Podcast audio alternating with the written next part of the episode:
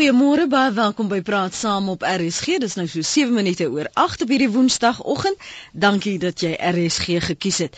Ons praat vanoggend politiek, maar internasionale politiek, is ons nou meer spesifiek moet wees.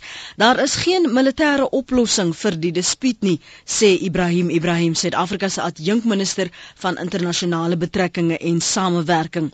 Wat is dan die gebalanseerde besluit vir Sirië se toekoms.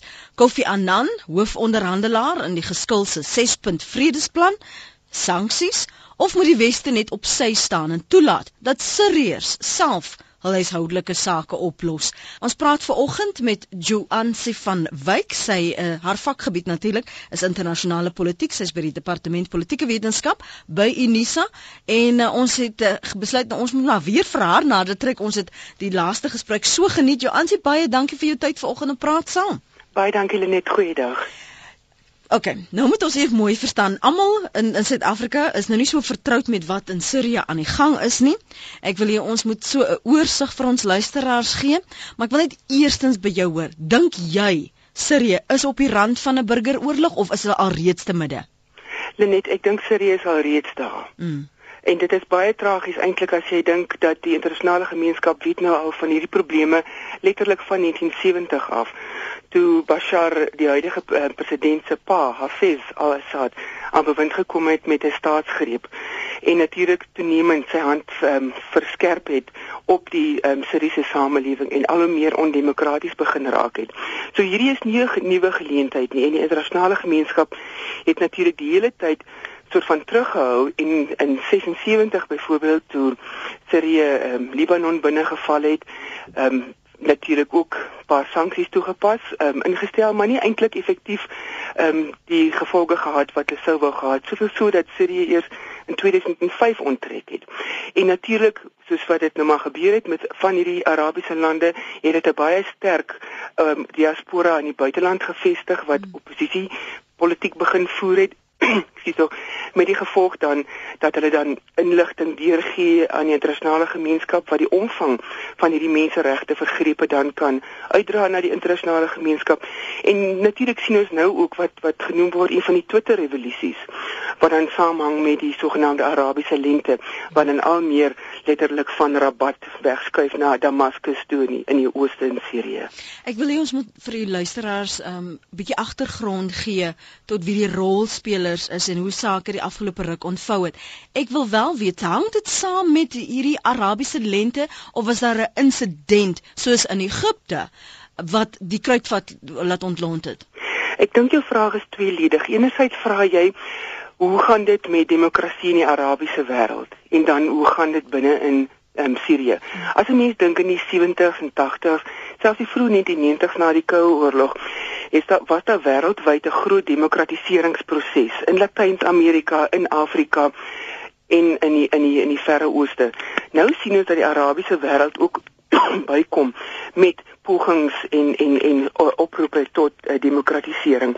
So wat ons eintlik nou hier sien, um, is die Arabiese lente wat nou eintlik die demokratiese um, oomblik in die Arabiese wêreld is. Ons moet ook onthou dat die Arabiese wêreld wat oorwegend en ook moslim is, ook nie eintlik in ehm, 'n um, reformatie of dan 'n hervorming soos wat ons kom sê tussen protestante en katolieke gehad het nie.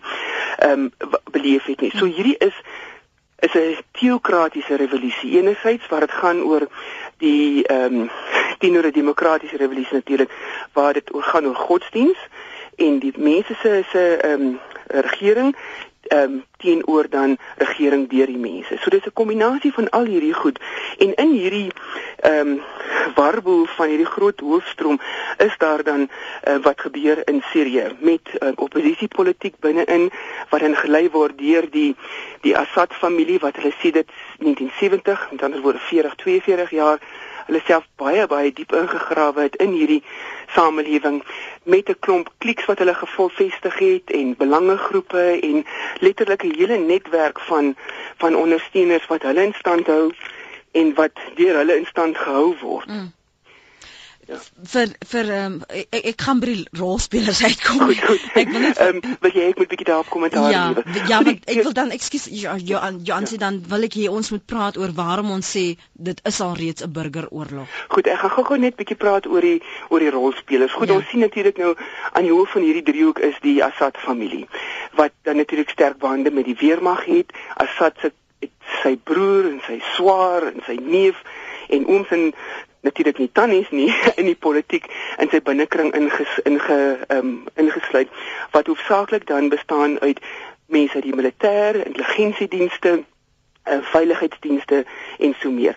Daarteenoor is dan die Syriese oppositiegroepe, hoewel daar 'n paar uh, partye toegelaat is om deel te neem aan die demokratiese verkiesing, is die uh, Syriese regerende party ook die ook 'n baatparty soos wat ons in Irak gekry het um, aan bevind, maar die oppositiegroepe is ehm um, verdeel en hulle stem natuurlik ook nie almal saam met die Annan plan nie. So eerstens is daar die Syriese bevrydingsweermag.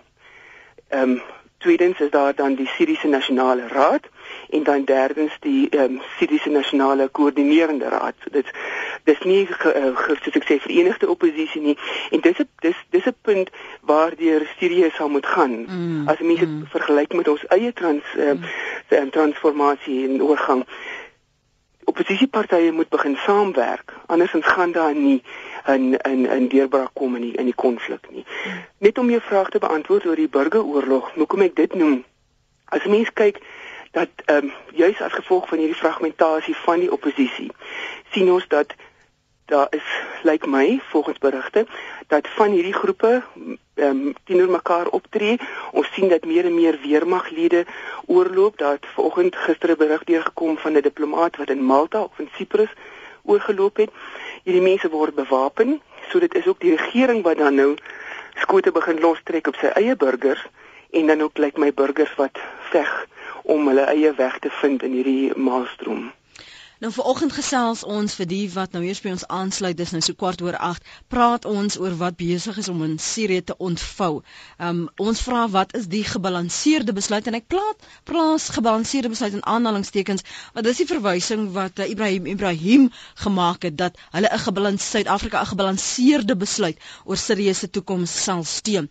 Dis nou natuurlik na aanleiding toe uh, ons as Suid-Afrika by te stemming gebly het in die veiligheidsraad. So ons gaan nou nou weer daarby kom, maar as jy 'n uh, sterk mening hieroor het en jy lees nou die afgelope paar maande hoe die situasie daar ontvou het, wil ek graag van jou hoor. Wat dink jy is die gebalanseerde besluit vir Sirië se toekoms? Koffie Annan se 6-punt vredesplan, sanksies of moet die weste net op sy staan en toelaat dat Siriërs hul huishoudelike sake oplos?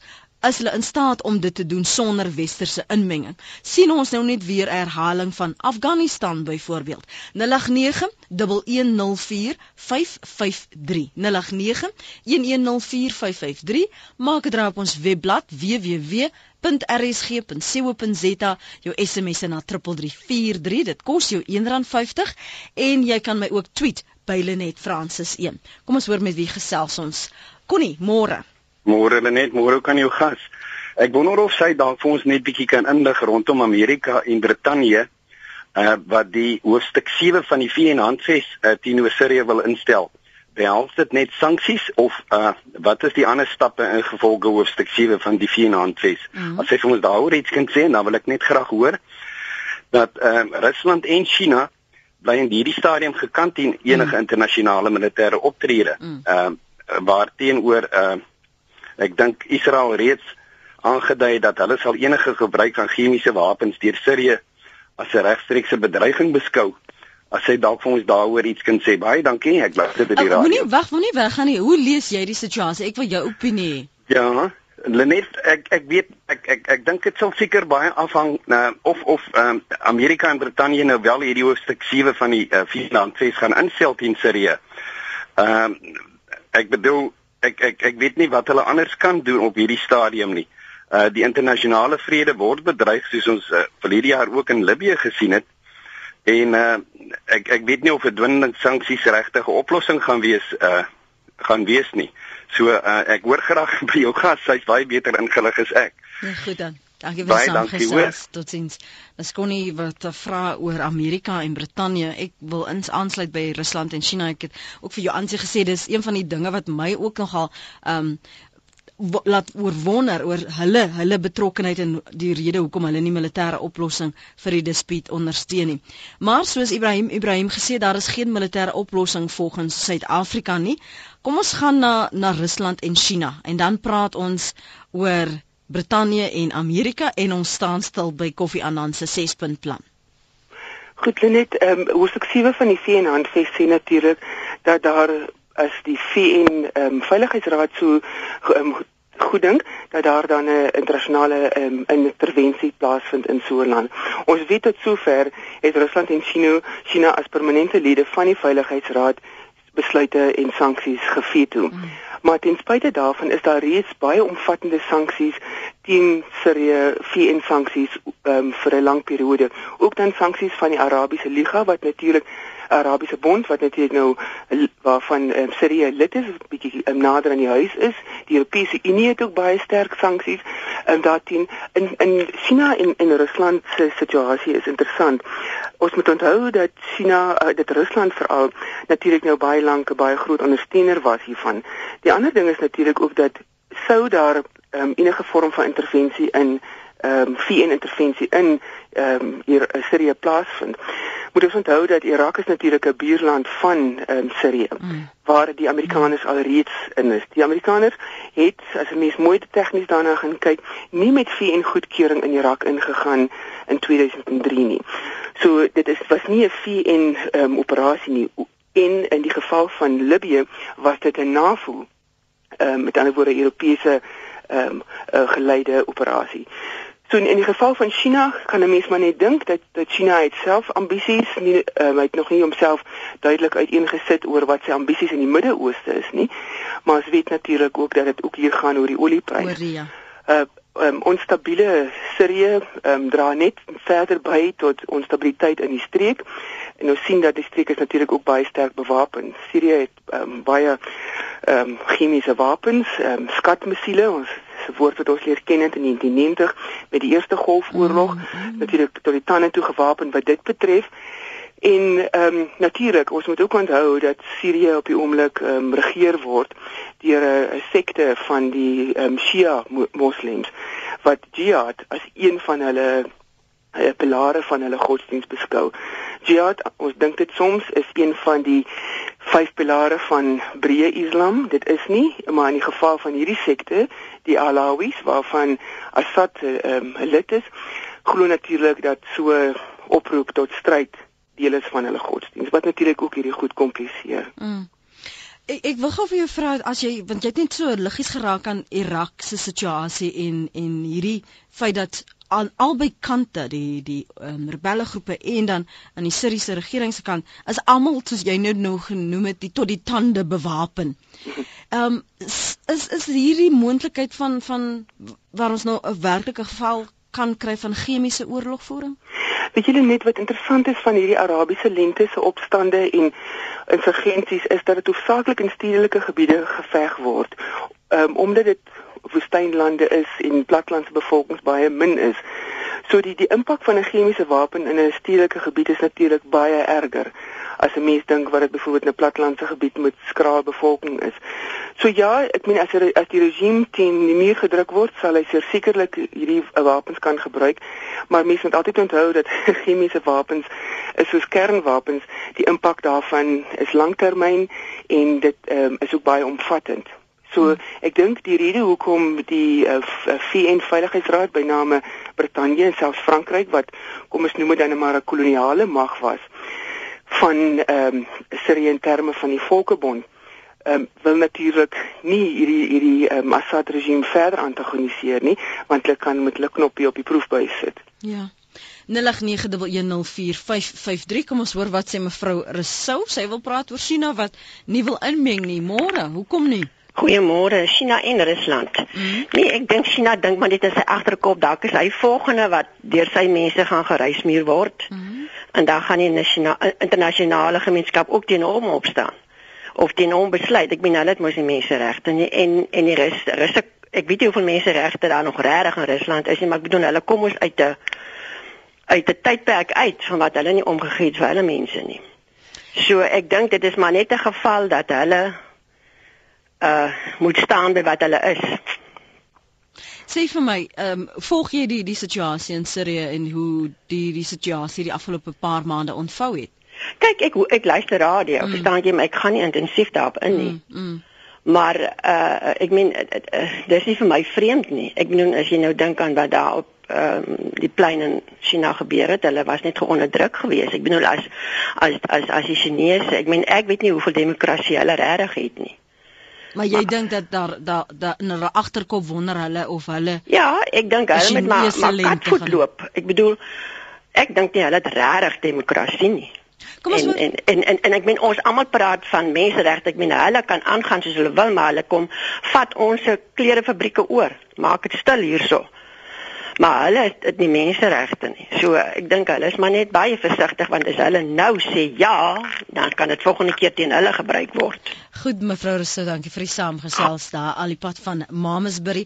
Joansi, ehm um, hoe lees jy die situasie met China? Ons het geraak en ek dink uh, ons ons het nog nie bietjie ver uh, genoeg uitgebrei oor China en die moontlike oliebelange daar in die Midde-Ooste nie. Maar is daar 'n ritseling vir 'n moontlike Chinese lente? Weet jy, uh, Lenet, dankie mevrou Rousseau ook vir die opmerking. Natuurlik is China 'n uh, ondemokratiese land wat natuurlik baie vinnig ehm um, kapitaliseer. Met ander woorde, dit is 'n sosialistiese land wat meer en meer die kenmerke van 'n kapitalistiese staat het. En die verwagting is dat na mate Chinese dan nou ryker word, meer middelklas waardes begin aan ehm um, hang dat dit natuurlik éventueel sal demokratiseer. Nou dit is wat ons almal graag sou wil hê, maar dan is ons in die moeilikheid want dan aanvaar ons vir China oral in die wêreld en net ons nie meer 'n uh, 'n sondebok om vir baie dinge te blameer nie. Die ander ding in China is natuurlik ook dat die bevolking is baie groot. Die bevolking is oorwegend uh, plattelands ges, gesedel met baie groot ehm um, sosio-ekonomiese gapings tussen die die kom ons sê maar die hoërstand en dan die werkersklas. En dit is ook hoofsaaklik dan gekonsentreer in die kusgebiede sogenaamde spesiale ekonomiese sones. So China is natuurlik uh, menseregte skender. Mevrou Rousseau het verwys na die Tiananmen klein ehm um, proteste van 1989 maar ons moet onthou dat China is 'n baie sterk speler internasionaal en toenemend homself ook dan nou in Afrika bevind. China se belange in in ehm um, die Midde-Ooste is is baie ehm um, wisselvallig in die sin dat Amerika is natuurlik baie sterk in die Midde-Ooste as gevolg van sy belange met ehm um, in Irak en die die oorlog daar, die inval daar, sowel as met Israel. In Europa se geval sien ons dat Turkye is natuurlik soort van wat mense kan noem 'n kingmaker. Turkye het ambisies om binne in die Europese Unie in te kom, het 'n groot moslim hoewel dit is ons bevolking hoewel dit 'n sekulêre staat is, maar daar is ook navoer uh, basisse. Mm. Wat natuurlik nou ook die magsbalans mm. in die omgewing dan versteur. En ek dink in China se geval is dit maar net dat ehm um, verdere Amerikaanse inmenging in nog 'n geo-strategiese streek gaan dalk nie vir dit aanvaarbaar wees nie. Maar ons moet onthou dat daar ander plekke is om olie te kry ook. Sirië het nie noodwendig die grootste oliebronne in in die Midde-Ooste nie, Irak en Iran het dit maar. Ehm um, en ek is seker dat China as gevolg van sy omvattende belange in Afrika, selfs nou afgelope week, twee weke met die groot Chinese Afrika beraad in Beijing natuurlik heel wat olie ooreenkomste gesluit het met lande soos Nigerië, Angola um, en die Kongo. Ons praat vanoggend oor die situasie in Sirië, Sirië se toekoms, wat die gebalanseerde besluit dan nou sou wees dalk moet 'n mens eers wag dat dinge uitspeel en dalk is ons nou vroegtydig om te begin praat oor 'n uiteindelike toekoms, maar kom ons weeg die verskillende opsies op. Is dit Kofi Annan uh, se 6-punt plan, daardie vredesplan wat op die tafel is? Is dit sanksies of is dit net doeteenvoudig dat die weste op sy moet staan en toelaat dat die Siriërs hulle sake self oplos? Jy as jy 'n mening het, kan skakel op 0891104553 4553 weeg daardie opsies vir my op en sê vir my hoe jy die situasie lees. Henk sê Die vraag kom by my op: wat as dit ons land was? Suid-Afrika, volgens Henk, is tans baie plofbaar met rassehaat. Wat as so iets hier gebeur? Sal ons nie wil hê die internasionale gemeenskap moet hier ingryp nie? Of sal die westerse lande ook bang wees vir China wat so 'n groot houvas kry in Suid-Afrika? Floris Kreer in sy hittel sê Amerika is op die oomblik 'n bietjie dun gesprei. Ek dink ek stem met jou daar ja. saam. As jy kyk na die onttrekking van magte en as jy ook kyk na hulle gesukkel met hulle ekonomie en die tweede termyn wat natuurlik nog wag. Dan skryf 'n ander luisteraar ons was verlede jaar Maart in Damaskus met vakansie. Daar sou uh, op 15 Maart 'n protesoptog gewees het, maar dit het nooit gerealiseer nie omdat die mense aangaan met hulle lewens en nie gehoor gegee het op die oproepe vir 'n betoging nie. Die mense is arm, maar gelukkig. Die wêreld moet hulle uitlos sodat hulle self hulle probleme kan hanteer. Ons het egter verneem dat hulle geen verkiesings het nie. Dit laat vra oor demokrasie ontstaan. So dis 'n mening daar. Uh, Joansie vinnig van jou kant 'n uh, opinie oor wat ons luisteraars sê? Ek stem saam met ons luisteraar uit Seattle dat Amerika is taamlik dun versprei oor die oomblik en dit is 'n verkiesingsjaar. So hier wat dinge gaan afhang van die uh, Amerikaanse ekonomie natuurlik en dat die feit dat uh, Obama wil graag uit Irak onttrek hmm. en hy wil hierdie oorlogs um, president wees wat suksesvolle invalle agter die rug het.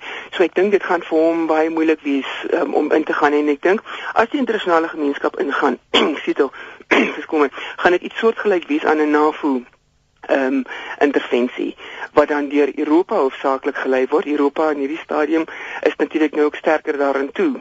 Ehm um, of uh, vergelyking met Amerika dan nou. Ehm um, wat jou kollega, ag wat ons luisteraars sê wat in Damaskus was, dit klink na 'n wonderlike um, ervaring natuurlik om so Damaskus ervaring te hê. Ek hoop sy haar naam nog behou anders as Paulus en Saulus. Maar ehm um, wat sy vertel van rondom Maart, Lydia, dis natuurlik wanneer dinge begin verkeerd loop het in Damaskus of dan nou begin reggaan het.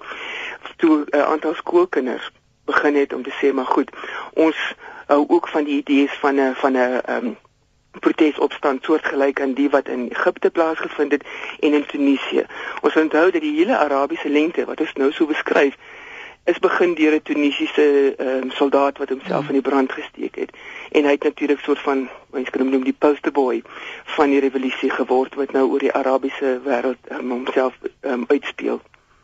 So um, in die, die sedert Maart vliede jaar is natuurlik nou die groot ehm um, krisis aan die gang en dit het natuurlik nou vir jaar ehm um, sy hoogtepunt bereik met onder andere die Annan plan, ehm um, verdere internasionale betrokkenheid daarbey. Net oor die opmerking oor sou dit Suid-Afrika gewees het wat sou ons wou doen. In die internasionale politiek is daar 'n nuwe beginsel wat toegepas word. As ons kyk na state wat gewoonlik sê ons 'n staat is 'n soewereine entiteit, met ander woorde geen ander politieke eenheid of 'n staat mag 'n ander staat inval nie. Dit mag wel gebeur as dit binne die handves van die VN gebeur en ons vorige luisteraar het verwys na hoofstuk 7 van die handves. Wanneer dit staan dan ingaan ehm um, moet dit dan binne die konteks van die VN wees, maar die nuwe beginsel wat ontwikkel het, noem ons die sogenaamde verantwoordelikheid om te beskerm of in Engels dan die responsibility to protect beginsel. Dit beteken dat wanneer 'n staat nie meer by magte is om te regeer of om sy burgers te beskerm of wanneer 'n staat dan die oorsaak oorsaak is dat sy burgers onveilig is, dan moet die internasionale gemeenskap ingaan. En wat in Sirië nou gebeur is juist dan nou wanneer hierdie beginsel behoort in te skop. Maar nou sien ons dat magspolitiek binne die VN Veiligheidsraad speel homself baie sterk uit deurdat lande soos Rusland en China natuurlik nou besluite hieroor veto. Mm in ons eie land uh, bly buite stemming byvoorbeeld wat 'n invloed kan hê. So dit sou mense sou wou hê dat die internasionale gemeenskap hier moet ingaan. Die wêreldwye ekonomiese krisis maak natuurlik dat sta, state tweemaal dink voordat hulle ingaan in in so 'n situasie. En die Midde-Ooste is is regtig soos 'n wat is die Afrikaans vir 'n uh, quagmire dis dis dis 'n modder modderpoel modderpoel waar dinge net ingesuig word. En ons moet ook onthou dat wat nou gebeur is eintlik maar die laaste stuiptrekkings van die Ottomaanse Ryk van 1914 sedert die eerste um, wêreldoorlog.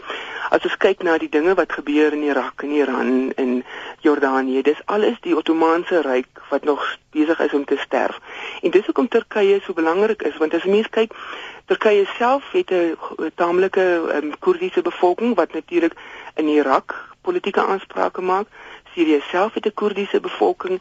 So ons sien dat die grense wat getrek is en die politieke belange wat hier gevestig is, is natuurlik al hierdie goed wat daartoe bydra. As jy dink, is ehm um, Sirië is ook ehm um, byvoorbeeld dit het eers 2005 uit Libanon ont. Mm.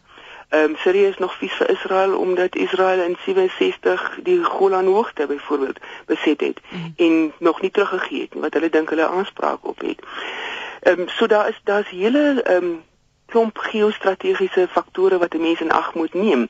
En dis hoekom dit so belangrik is dat ons wel die die geskiedenis moet verstaan. En ek dink hierso kan Frankryk miskien baie sterker deurkom. Frankryk was ehm um, ek ek dink dit was nog in die ou Volkebond net na die Eerste Wêreldoorlog het dit Syria as 'n tipe mandaat ontvang en in 46 toe Syria onafhanklik word is natuurlik net na die Eerste Wêreld uh, Tweede Wêreldoorlog en het dit natuurlik nog iets wat van sy Franse karakter behou. En ek dink Frankryk behoort dalk nou sterker in te kom as gevolg van die historiese belange wat dit het.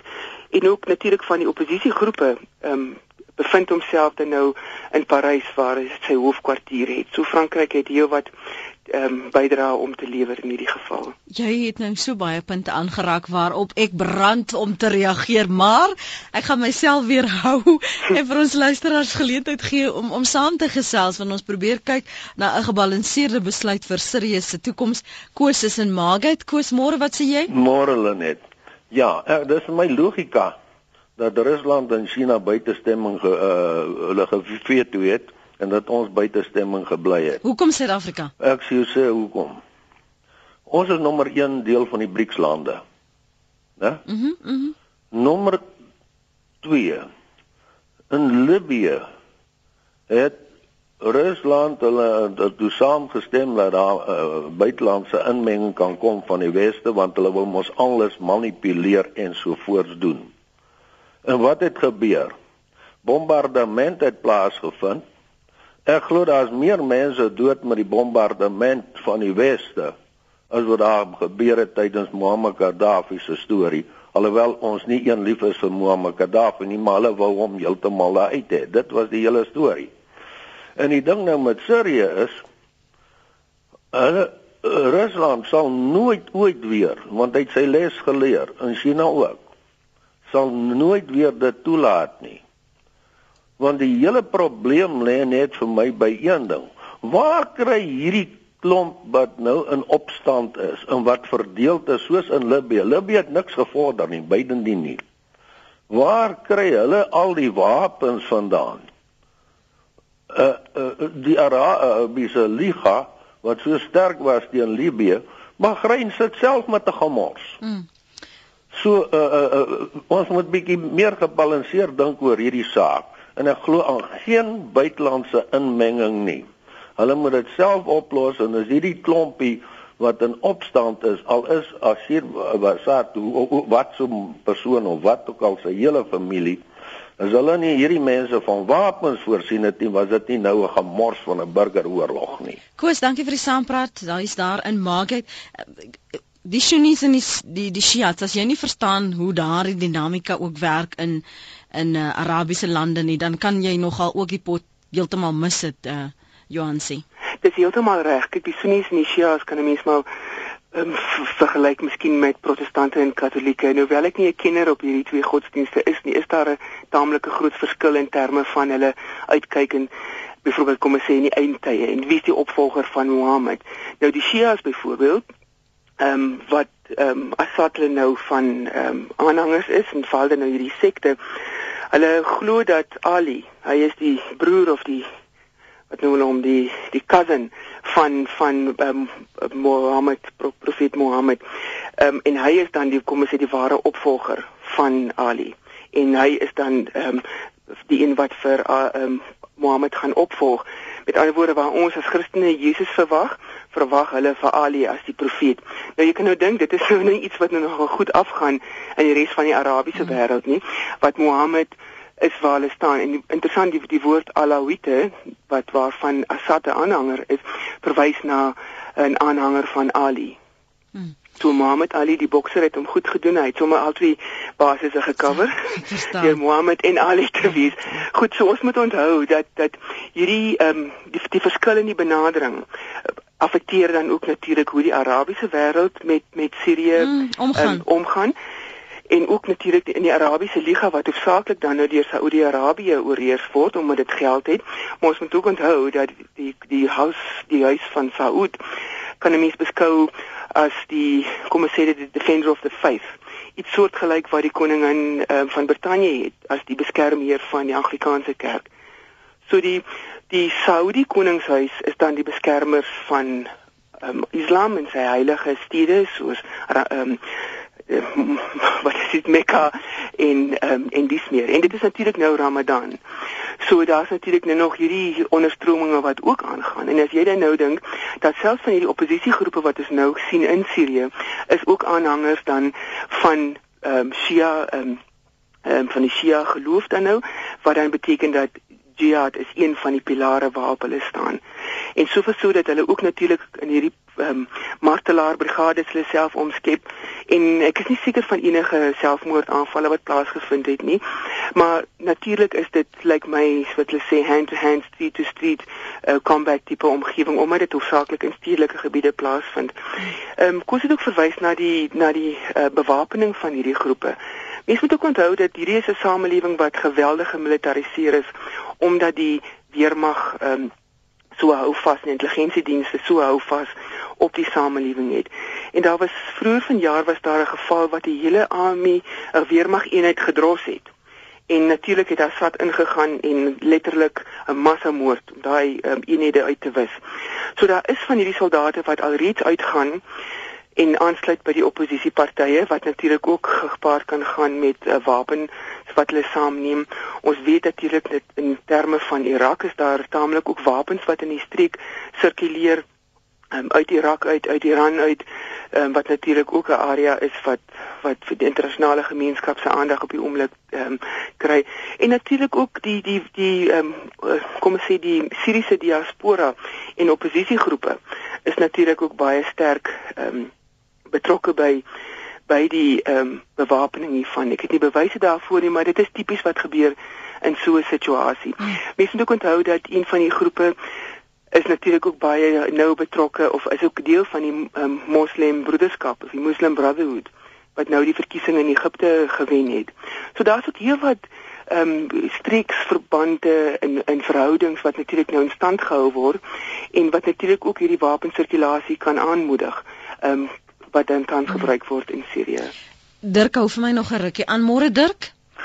Môre. Kortliks van jou kant? Ja, nee, ek die het nou geluister na van die vorige menings en toevallig stem ek uh, eh, 100% saam met wat Koos te sê gehad het. Mm. Ongelukkig is hierdie mos nou 'n baie breë gesprek en uh, nou word daar soveel soos hulle in Engels sê basis gedek dat uh, ons mense nie altyd seker by die kernpunt van die dinge uitkom nie, maar uh, my gevoel omtrent hierdie Siriëse gemors is basies dat dieselfde magte wat in Libië dis die geldmagte van die wêreld en die weet ons almal wie hulle is. Is die manne wat die moeilikheid veroorsaak het in Libië. Libië het nooit 'n uh, 'n uh, sogenaamde populêre opstand beleef nie. Dit was 'n ding gewees wat daar gestig was deur buitelandse magte en NAVO het net gekom en gehelp om die land te vernietig.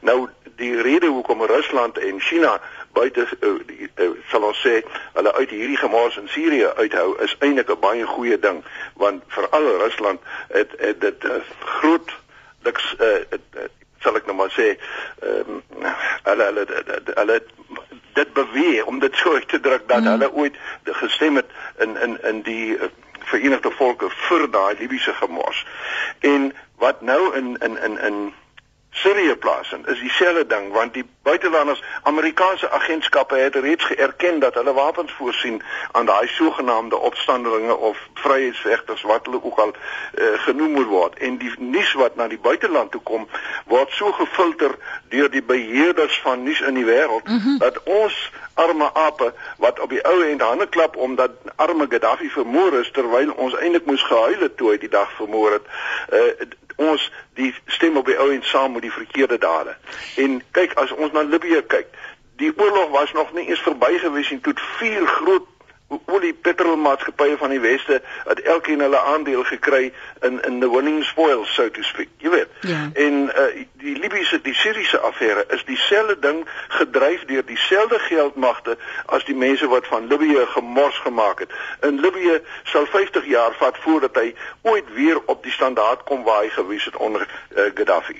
Dankie vir die saamgesels Dirk. Ons gaan in die toekoms in die hopelik voor die einde van Augustus gaan ons 'n praat saam hê wat spesifiek gaan verwys na hoe die media nuus kan manipuleer om 'n oorlog te wen. So ja. bly ingeskakel op praat saam ek werk in die oomblik in daardie staat. okay, Mooi bly hoor totsiens. Dirk van der Westhuizen se mening. Ons praat verder met Joansie van Wyk oor ons onderwerp vanmôre, die gebalanseerde besluit vir Sirië se toekoms. Chris Nel van Bethlehem skryf: "Almal mis die punt omtrent Sirië want Sirië se monetêre stelsel is nie beheerbaar deur die Wêreldbank nie en die hele turbulensie is ekstern gemanipuleer om die staat in Sirië omver te gooi om die monetêre stelsel onder die Wêreldbank te bring. Dit gaan alles volgens Chrisnel oor geld. Joansie, ek wil terugkom na wat Koos gesê het en Suid-Afrika wat besluit het om buite stemming te bly. Want mense kan nie ignoreer dat Suid-Afrika deel van die BRICS-lande is nie. Goed, ons is en hy is heeltemal reg daarmee. Ek is versigtig om van hierdie samesweringsteorieë noodwendig toe te pas hieroor. Mm. Net net 'n agtergrond oor Libië.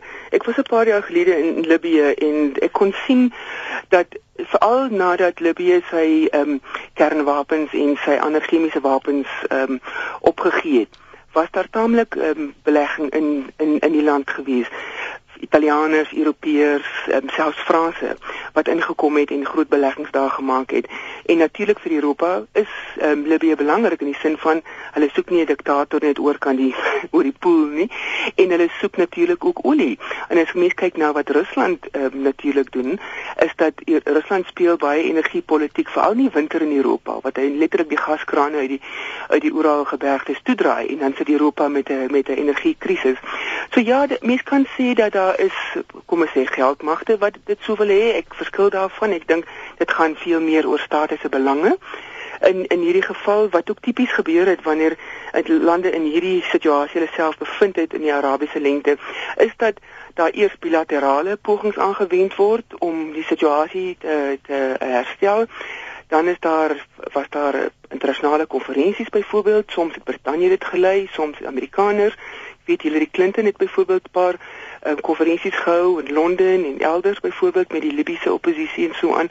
So dit lyk my daar's tipe van 'n kom ons noem dit nou maar 'n patrone vir resep waarmee die internasionale gemeenskap in hierdie lande betrokke raak. Sirië het bietjie gas en bietjie olie, maar dit is by verre nie so omvangryk soos die wat in Irak byvoorbeeld is nie. En 'n mens kan baie maklik sê maar dis die rede hoekom dit is, maar dis hoekom dit vir my so belangrik is dat ons die die geskiedenis van Sirië en sy streek moet verstaan voordat ons eenvoudig net ja. kan sê maar dis geld mag of dis ehm um, weet om 'n samesweringsteorie te gebruik hiervoor.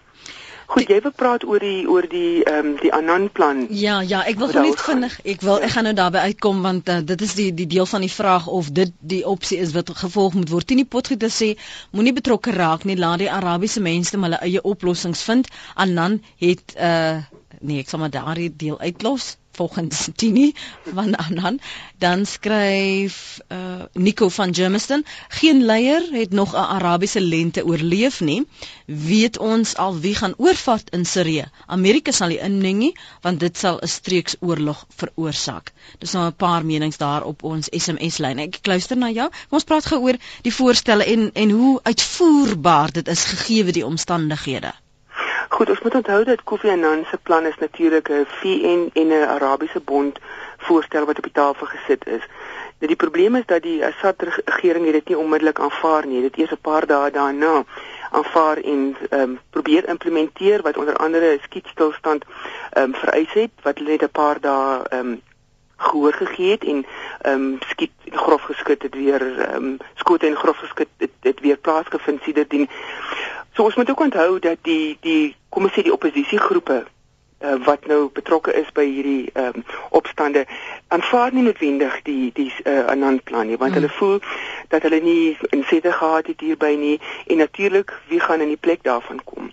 Die Annan plan maak opsaaklik voorsiening vir dan die ehm um, Assad familie wat dan mag moet oorgee Maar wat wat gebeur is dat dat die oppositiegroepe sê maar goed, ons moet ten minste dan begin praat oor 'n grondwet. Ons moet ehm um, ons verteenwoordigers kan vorentoe sit. So die ideaal sou wees dat daar kom ons sê 'n tipe kodesa wat ons in ons eie land ook gehad het van die Siriërs bymekaar moet moet kry om dan te begin praat daaroor. Maar voordat dit gebeur, moet daar eers ehm um, kom ons sê 'n eh, teater geskep word waar al die mense met mekaar kan praat. Hmm. En ek dink een van die groot struikelblokke is natuurlik die houvas wat die militêre en die veiligheidsdienste het op ehm um, op die Siriëse samelewing en die staat. Assad self is 'n probleem en natuurlik daarmee saam sy hele familie. Ehm um, so as jy in hom vat, raak jy in die hele Assad familie um, onder toe so hulle moet op 'n manier gepaai word of dan voor 'n hof gebring word. En natuurlik die probleem is met ook die die menseregte vergrepe en vlugtelinge wat al toenemend teen die Turkse grens byvoorbeeld bymekaar kom. En Turkye wil nie noodwendig hierdie deure oopmaak nie want dit skep natuurlik ook presidente en probleme. So die die die ideaal is dan om dat die Annan plan wat in hierdie stadium die beste ehm um, plan op die tafel is om dit ten minste 'n kans te gee. Maar dit wil voorkom asof die Assad regime nie noodwendig daaraan wil gehoor gee nie. Wat nou gaan gebeur is dat dan meer sanksies toegepas moet word. Nou wat ons sien is dat die Europese Unie, Arabiese Bond en ehm um, lande het nou begin om sanksies teen individue in die Assad regering ehm um, ehm um, te te ehm um, toe te pas. Ja. So daar's iets soos 129 individue in sy regering is al klaar onder sanksies en bates is bevries in Europa en in Brittanje byvoorbeeld. Maar maar so iets gaan nog tyd neem want Assad gaan vir homself 'n tipe van 'n uitgangsstrategie sal wil onderhandel dat daar nie vervolging van hom moet wees nie en tot dusver lyk dit nie vir my asof hy um, enigins gaan vlug nie. Mm. Ek meen daar was verlede week wanneer was daar um, bomme wat op baie van sy ehm um, selfs familielede wat in hierdie mm. hoë posisies is wat in sluipmoordaanvalle dood is. So dit lyk tog of die oppositiegroepe nader kom aan aan aan sy binnekring en hulle ehm um, bykom. Maar hierdie goed is baie kompleks en dit is dis is Assad gaan nie mag oorgie nie, hy gaan te veel verloor en dan wat is dan die die ehm um, kom ons sê die die die regverdige proses daarvoor? Die oppositie soos wat ek voorheen genoem het is baie gefragmenteerd en dis temperamentele groepe wat bewapen is.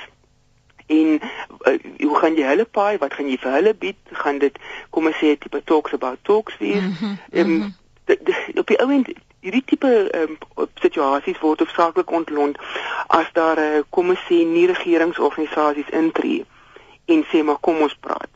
Um, kom ons sê so 'n tipe van 'n middelgrond tussen tussen state Nou 'n land wat dit baie goed reg gekry het is hoofsaaklik die skandinawiese lande soos Noorwe byvoorbeeld wat 'n baie unieke manier van diplomatie het en dit het baie goed gewerk in die um, Israel-Arabiese konflikte. Dat hulle mense neem na woud in Noorwe byvoorbeeld en jy bly daar vir 'n tyd en jy moet maar begin gesels. Ehm um, so so daai tipe model kan dalk werk. Ehm um, maar dit is 'n langtermyn ehm um, opsie. Die internasionale gemeenskap wil dalk ingaan en wat hulle noem chirurgiese ehm um, bomme laat afgaan en ehm um, lugaanvalle loods. Maar ons weet dat hierdie hierdie goed is nooit chirurgies. Daar's gewoonlik burgerlikes wat betrokke is wat natuurlik nou nie die ideaal is dat dit moet teen die regime wees. En die, die ander ding is natuurlik dat die VN veiligheidsmag ehm um, die VN personeel wat daar was het onttrek. Ja. Hulle het begin met 6 en daar was later 300 en almal het onttrek. So as die VN nie daarvoor kan sien nie, dan kom die situasie en die verantwoordelikheid maar weer eens terug na die Siriërs self. Hulle het vir 40 jaar lank was hulle bereid om die Assad te verdra. Goed, dit was 'n baie sterk regering. Maar ehm um, dit is ook tyd dat hulle bure en die Arabiese bond sterker moet optree teen teen teen Sirië. Dis hoekom ek gevra het, is dit nie maar liewer die bes, beter opsie om toe te laat dat hulle self hulle huishoudelike sake oplos nie want as jy uh, verwys na die uh, internasionale politiek die die die aanvaarding dat daar 'n uh, eh, verantwoordelikheid is om te beskerm.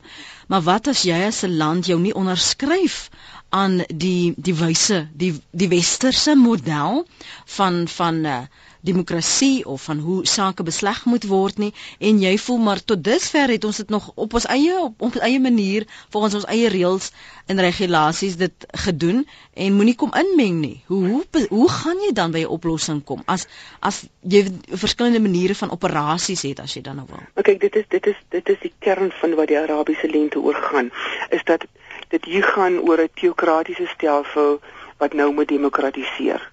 Met ander woorde, ons sit nog hier met 'n tradisionele stelsel van waar uh, 'n God, die Theos, um, met ander woorde deur middel van godsdiens dan die staat beheer en, en teenoor mense dan teenoor die westerse kom ons noem dit dan nou maar die blueprint van mm. hoe regering moet wees, mm. die demos, die mm. mense regeer. En eintlik um, is dit is is die hele Arabiese wêreld is dit die revolusie hier hier is dat dit moet gaan oor is dit tyd om hierdie teokrasie te omskep in in demokrasie en daar's geen voorbeeld daarvan nie. Ehm um, hoe hoe demokratiseer jy as dit nie in jou kultuur is nie, as dit nie in jou godsdiens is nie, as dit nie in jou wese is om te demokratiseer nie. So wat ons hier kan sien is hoogstens kom ons sê 'n Arabiese weergawe van demokrasie, soortgelyk as wat ons in Afrika sien. 'n Afrika weergawe van van demokrasie. Ons weet dis nie mm, altyd die mm, ideaal mm. tipe nie.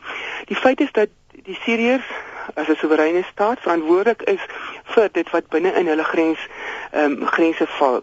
Maar dit raak al moeiliker want die die die, die lewenskoste ehm um, mense wat in bloedvergieting dit is 'n geweldige duur prys om te betaal.